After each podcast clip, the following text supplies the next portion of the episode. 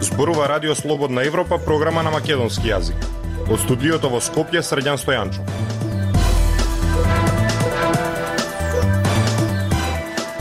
Ја слушате емисијата на Радио Слободна Европа, почитувани. Во неа објавуваме. Струјата ќе поскапи, но рестрикции нема да има. Како многуте функции за алтернатива ќе влијаат врз меѓуетничките односи што ќе се случува во Босна и Херцеговина по одлуката на Република Српска за преземање на надлежностите од владата во Сараево. Слушајте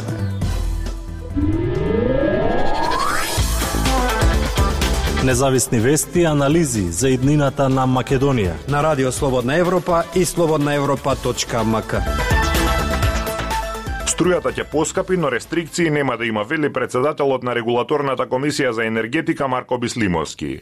Евентуални рестрикции би направиле уште поголем проблем, вели тој. Од владата најавија дека поскапувањето на струјата нема да биде поголемо од 10%, но последниот збор за тоа го има регулаторната. Почнува расплетот по кој ќе се знае за колку ќе поскапи струјата за домаќинствата од нова година. Државниот производител на струја ЕСМ денеска на петиот поред тендер на Ивана Хоум ќе достави понуда за целосно 100% покривање на потрошувачката на струја на универзалниот снабдувач за првата половина од наредната година. Според информациите што ги објавија дел од домашните медиуми, ЕСМ ќе понуди струја за 41 евро за мегават час, што е за 13,5% поскапа од досегашната. Една третина од цената на струјата што ја плаќаат граѓаните зависи од производствената цена. Во голема мера цената на струјата за домаќинствата зависи и од трошоците на електродистрибуција, компанијата во собственост на Евана која стопанисува со дистрибутивната мрежа, а најмалку од МЕПСО кој управува со далноводите. Во владата уверуваат дека поскапувањето нема да биде поголемо од 10%, но сепак крајниот збор ќе го има регулаторната комисија. Председателот на регулаторната комисија Марко Бислимовски вели дека тие ќе ги намалат или целосно ќе ги укинат маржите или профитите за енергетските компании компании за поскапувањето на струја на граѓаните да биде што помало. Енергетските компании постојано се во фокус на јавноста поради вработување на роднини на функционери. Бислимовски е дециден дека никакви нови вработувања нема да влијаат на цената на струјата. Со одлуката која што ја донесовме во 2021 година во јуни, бројот на вработени во МЕПСО како државна компанија се замрзнати со таа бројка во 2018 година. Ниедно ново вработување што се случувало и што би се случувало не е признаено. Така да тоа нема никакво влијание врз цената на електричната енергија. Македонија на 9 ноември прогласи енергетска криза. Поради хаварија во рек Битола на почетокот на ноември неколку дена не работеше ни еден од трите блока во најголемиот енергетски комбинат во земјава. Тогаш не работеше ни термоцентралата Осломеј зашто нема јаглен, ни Тец Неготино зашто немаше мазут. Домашна струја се произведуваше во скромните хидроенергетски капацитети, а Македонија беше принудена да увезува струја до 7 пати поскапа од домашно произведената.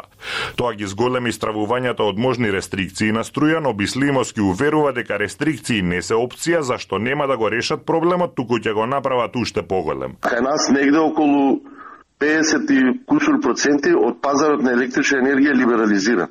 И снабдувачите, кога ќе видат дека таа електрична енергија која што ја платиле нема да може да ја наплатат, апсолутно ќе ги раскинат договорите со сите потрошувачи и таа електрична енергија наместо во Македонија ќе заврши во соседните земји и тек тогаш ќе имаме проблеми. По набавката на јаглен и мазут сега во функција се ставени и термоцентралите Осломе, а наскоро и Неготина, а работат и два блока во рек Битола. Властите уверуваат дека со тоа ќе бидат задоволени потребите за струја во Македонија. Слободна Европа. Следете на на Facebook, Twitter и YouTube. Добиените функции за алтернатива да стане дел од власта нема да ги наруши меѓуетничките односи, велат аналитичари за Радио Слободна Европа и покрај тоа што во јавноста распределбата на функциите најде на негодувања. Дел од јавноста смета дека етничките албанци добија премногу за влез во новата влада. Марија Тумановска Тоа што политичката партија Алтернатива на Африм Гаши доби неколку министерски и заменички места во министерства како и менаџерски позиции во државни институции како договор за нивниот влез во владата, предизвика доста реакции по социјалните мрежи. Реакциите се претежно од македонска страна, па така граѓани револтирано реагираа дека на Алтернатива и е дадено премногу како компензација за нивниот придонес во обезбедување на стабилно парламентарно мнозинство. Домашните аналитичари во овој договор препознаа политички пазар во кој најважен е личниот интерес и од кој најголеми губитници се граѓаните. Некои коментираат дека новите места предводени од кадар на алтернатива ќе повлечат низа нови партиски вработувања со етнички предзнак. Но дали ваквото незадоволство кој македонската страна може да ги наруши меѓуетничките односи во земјава? Според професорката Миријана Малеска, реакциите во јавноста дека на алтернатива е дадено премногу нема да го загрозат, нема да го загрозат меѓуетничкиот соживот во земјата. Не сме во една ситуација која е, може да е загрози равнотежата во земјата, а тоа е да се поделиме на македонци и албанци, односно да речеме се обединат во парламентот македонците од од СДДМ и ВМРО ДПМН и сите што се да кажеме таму нали македонци и да доминираат во секој поглед нали врз малци оние што се во малцинство, етничките малцинства, така да ги наречам во парламентот. Таква ситуација не сме дошли и мислам дека и не можем не можеме да дојдеме, барем не ми изгледа тоа веројатно, вели Малевска. И политичкиот аналитичар Джилјал Незири смета дека соодносот на министерски места меѓу етничките албанци и македонци нема да ги влоши односите, но сепак како што додава тоа би можело да прирасне во некаква агенда на некоја од политичките партии што би можела да го искористи ова за добивање политички поени. Веќе ниту етничките македонци, а ниту етничките албанци не мислам дека нивниот најлош кадар е најдобар во споредба со кадарот на, на другиот. Значи, се бара, верувам дека сите повеќето бараат, граѓаните бараат добри менеджери, транспарентни политичари, бараат луѓе што ќе имат слух за потребите на, на граѓаните, а етничката припадност станува се понезначајна во овој. Изјави Незири. Тој е убеден дека обичните граѓани знаат да препознаат дали некој кадар е професионален и квалитетен, без да го гледаат етничкиот предзнак, па во таа насока не очекува дека новите позиции или можни вработувања на едната или другата етничка заедница би предизвикале влошување на меѓуетничките односи. Покрај реакциите во јавноста, незадоволство од новата распределба на функциите покажа и помалите коалициски партнери во владата. Актуелности свет на Радио Слободна Европа. Високиот представник на меѓународната заедница во Босна и Херцеговина Кристијан Шмидт ги осуди радикалните политички активности и реторика откако собранието на Република Српска гласаше за заклучоците за пренесување на надлежностите од Босна и Херцеговина на ниво на Република Српска. Шмидт повикува на диалог и не споменува санкции. Пренесува Гоце Атанасов. Во изјавата Шмидт наведува дека таквите активности биле закана за стабилноста на Босна и Херцеговина и ги подкопале изгледите на сите граѓани, вклучително и граѓаните на Република Српска. Осудувајќи ги актите да усвоени од собранието на ентитетите на Република Српска во врска со преносот на надлежностите во областа на индиректното оданочување, правдата, одбраната и безбедноста, Шмидт не спомнува санкции или употреба на овластување од Бон, според кои високиот представник може да наметнува или менува закони, одстранува избрани и именувани политички и други функционери. Наместо тоа, тој повикува на диалог. На седницата на Собранието беше усвоена и декларација за уставните принципи на Република Српска, во која се прецизира дека сите закони наметнати од високиот представник се противуставни.